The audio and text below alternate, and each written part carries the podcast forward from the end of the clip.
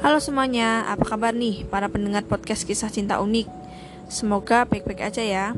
Senang sekali saya Silviani dapat menemani para pendengar podcast kisah cinta unik. Tentu saja masih seperti biasa, Silvi bakalan nemenin waktu luang kalian semua dengan cerita-cerita unik terkait kisah cinta yang tidak hanya berakhir manis tetapi juga yang berakhir tragis. Oke, langsung saja ini dia ceritanya. Selamat mendengarkan.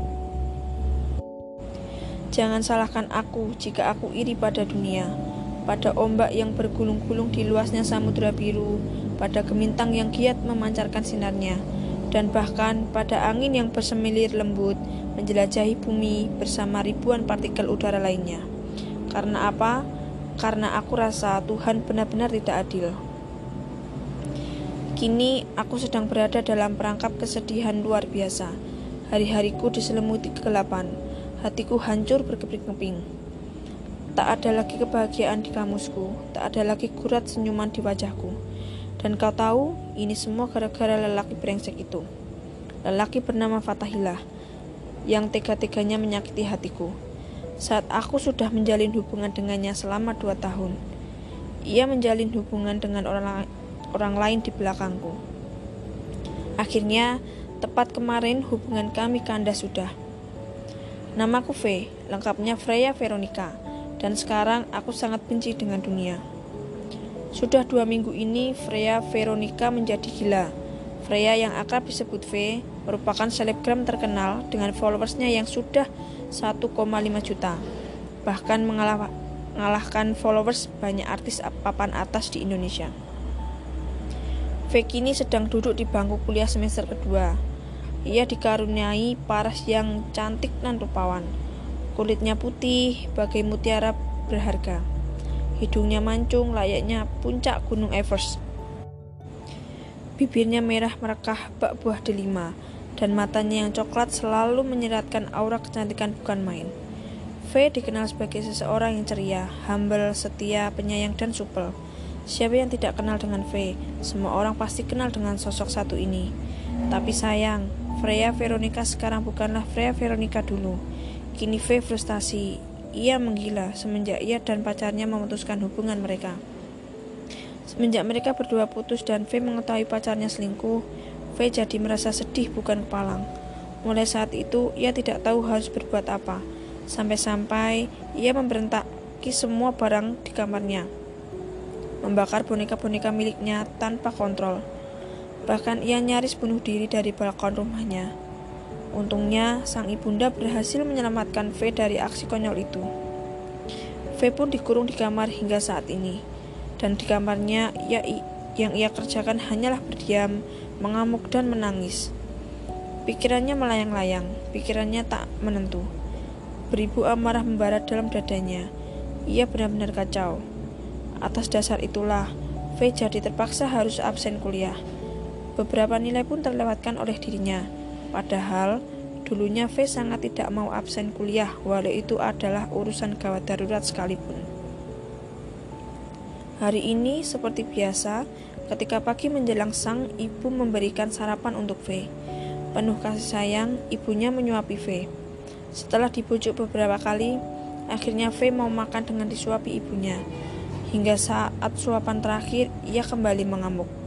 Pasalnya, pikiran tentang Fatahillah tiba-tiba berkecamuk dalam pikirannya. V, tenang nak. Ibu buru-buru mendekap V. V memberontak, lalu ibu kembali mendekap V kuat. Istighfar V, kamu harus ingat pada Allah. Tuhan yang menciptakanmu. Ini hanya masalah sepele. Karena kamu putus dengan Fatahillah. Ingat, masih banyak lelaki di dunia ini. Nasihat ibu seraya mengelus-elus rambut V. V diam. Walaupun ia sudah sangat hancur, tapi 10% ia masih bisa sadar dan mencerna perkataan ibunya. Kamu harus tahu, jodoh sudah ada di tangan Tuhan, dan kamu harus tahu juga bahwa rencana Tuhan selalu baik. Jadi, walaupun kamu putus dengan Fatahillah, itu berarti Fatahillah bukan lelaki yang cocok untuk menjadi tambatan hatimu. Ibu yakin, pasti Tuhan telah menciptakan skenario terbaik untukmu. Percayalah. Ibu mengecup kening anak keduanya Eve. Don't be sad. Allah with us. Ibu bangkit dari duduknya. kemudian berjalan meninggalkan kamar V sembari membawa piring yang telah habis dimakan oleh V. Tak lupa, ibu mengunci pintu kamar V dari luar. Jika tidak, bisa-bisa V keluar ditemani emosi yang tidak terkontrol. Sepeninggal ibunya, V masih terdiam. Ajaib, seakan hatinya tiba-tiba tersihir. Biasanya, walaupun ibunya menceramahinya, ia akan tetap mengamuk, tak peduli. Tapi tadi ia membuat V berdiam, mencerna kembali kata-kata ibu. Sampai-sampai V mengantuk memikirkan kata-kata ibu tadi, lalu tidak terasa ia jatuh tertidur. V membuka mata, ia menggeliat layaknya ulat, lantas menguap lebar sekali, selebar kali ciliwung yang airnya acap kali mengalir deras. V kali ini tidak mengamuk, tapi rasa sedih luar biasanya masih tertancap kuat. Ia akhirnya kembali mengamuk tanpa kontrol. Ia terus mengamuk sampai ia merasa lelah. Saat ia merasa lelah, ia pun spontan mengambil handphone yang ia letakkan di meja riasnya. Ternyata banyak sekali notifikasi di Instagramnya. Jelas, sudah dua minggu ia tidak membuka akun Instagramnya. Setelah sadar, ia membuka menu DM yang ada di Instagram. Dan di atas sekali terdapat pesan masuk dari akun Instagram bernama Oh Sehun. Siapa dia? V merasa ia familiar dengan nama Oh Sehun itu, tapi siapa? Ia lupa. Ia pun membaca pesan dari Oh Sehun itu. Isinya berbahasa Korea dan Inggris bawahnya. Jika diterjemahkan menjadi bahasa Indonesia akan seperti ini. Annyeonghaseyo, kenalkan, aku Sehun. Saat kemarin aku bermain Instagram, tiba-tiba saja aku menemukan akunmu. Dan aku benar-benar terpikat denganmu. Salam kenal. Beruntung, walau dengan keadaan gila dan setengah sadar, V masih bisa menerjemahkan bahasa Inggris tersebut. Tenang saja, V memang pintar bahasa Inggris. Hmm, ini siapa? Ah, stok aja deh. Tingkat kesadaran V mulai meningkat, walau masih ada rasa sakit dan perih di hatinya. Ia pun mencet akun Oh Sehun tersebut dan dilihatnya foto-foto di akun Oh Sehun. Rupanya V telah mengikutinya. Kapan aku memfollow dia? Aku masih V masih bingung. Dan saat ia sudah melihat banyak foto di akun Osehun, kesadarannya pun pulih. Ia ingat semuanya. Ia sudah tidak gila lagi. Ia ingat bahwa Osehun adalah seorang personel dari grup boyband ternama di Korea Selatan. Oh my god, Oh Sehun, ini serius kan? V teriak tersekencang-sekencangnya, hingga membuat ibu datang ke kamar V. Ibunya khawatir kalau anaknya semakin parah. Krek, pintu terbuka. V, kamu nggak apa-apa kan? Tanya ibu khawatir. V menggeleng, lalu bersingkrak-singkrak saking senangnya. Ibu, aku di DM sama Sehun, dan dia bilang dia terpikat sama aku. Dia ngajak kenalan aku. Ah, senangnya. Ibu V melotot. Ia bingung, bukankah Sehun adalah idola dari V? Tidak mungkin jika seorang artis Korea terke seterkenal Sehun bisa mengajak kenalan anaknya. Itu hal mustahil. Ini Sehun yang mana? Sehun Korea Selatan atau Sehun Ciamis? Sang ibu bertanya kikuk. V berhenti bersingkat-singkat, lalu mendekati ibunya.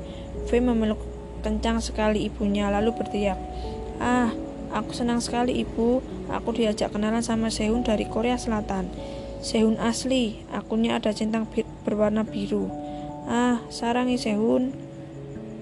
Telinga ibu mendadak budak, dan yang ada di pikiran ibu sekarang adalah takut anaknya menjadi gila. Apa anakku harus suntik rabies? Bisik ibu pelan. Lima bulan kemudian, sosial media heboh. Tidak hanya sosial media saja, bahkan media masa lainnya seperti televisi dan koran pun dipenuhi berita-berita terhangat yaitu berita tentang sikah nikahnya seorang Sehun anggota dari boyband EXO menikah dengan Freya Veronica, selebgram asal Indonesia.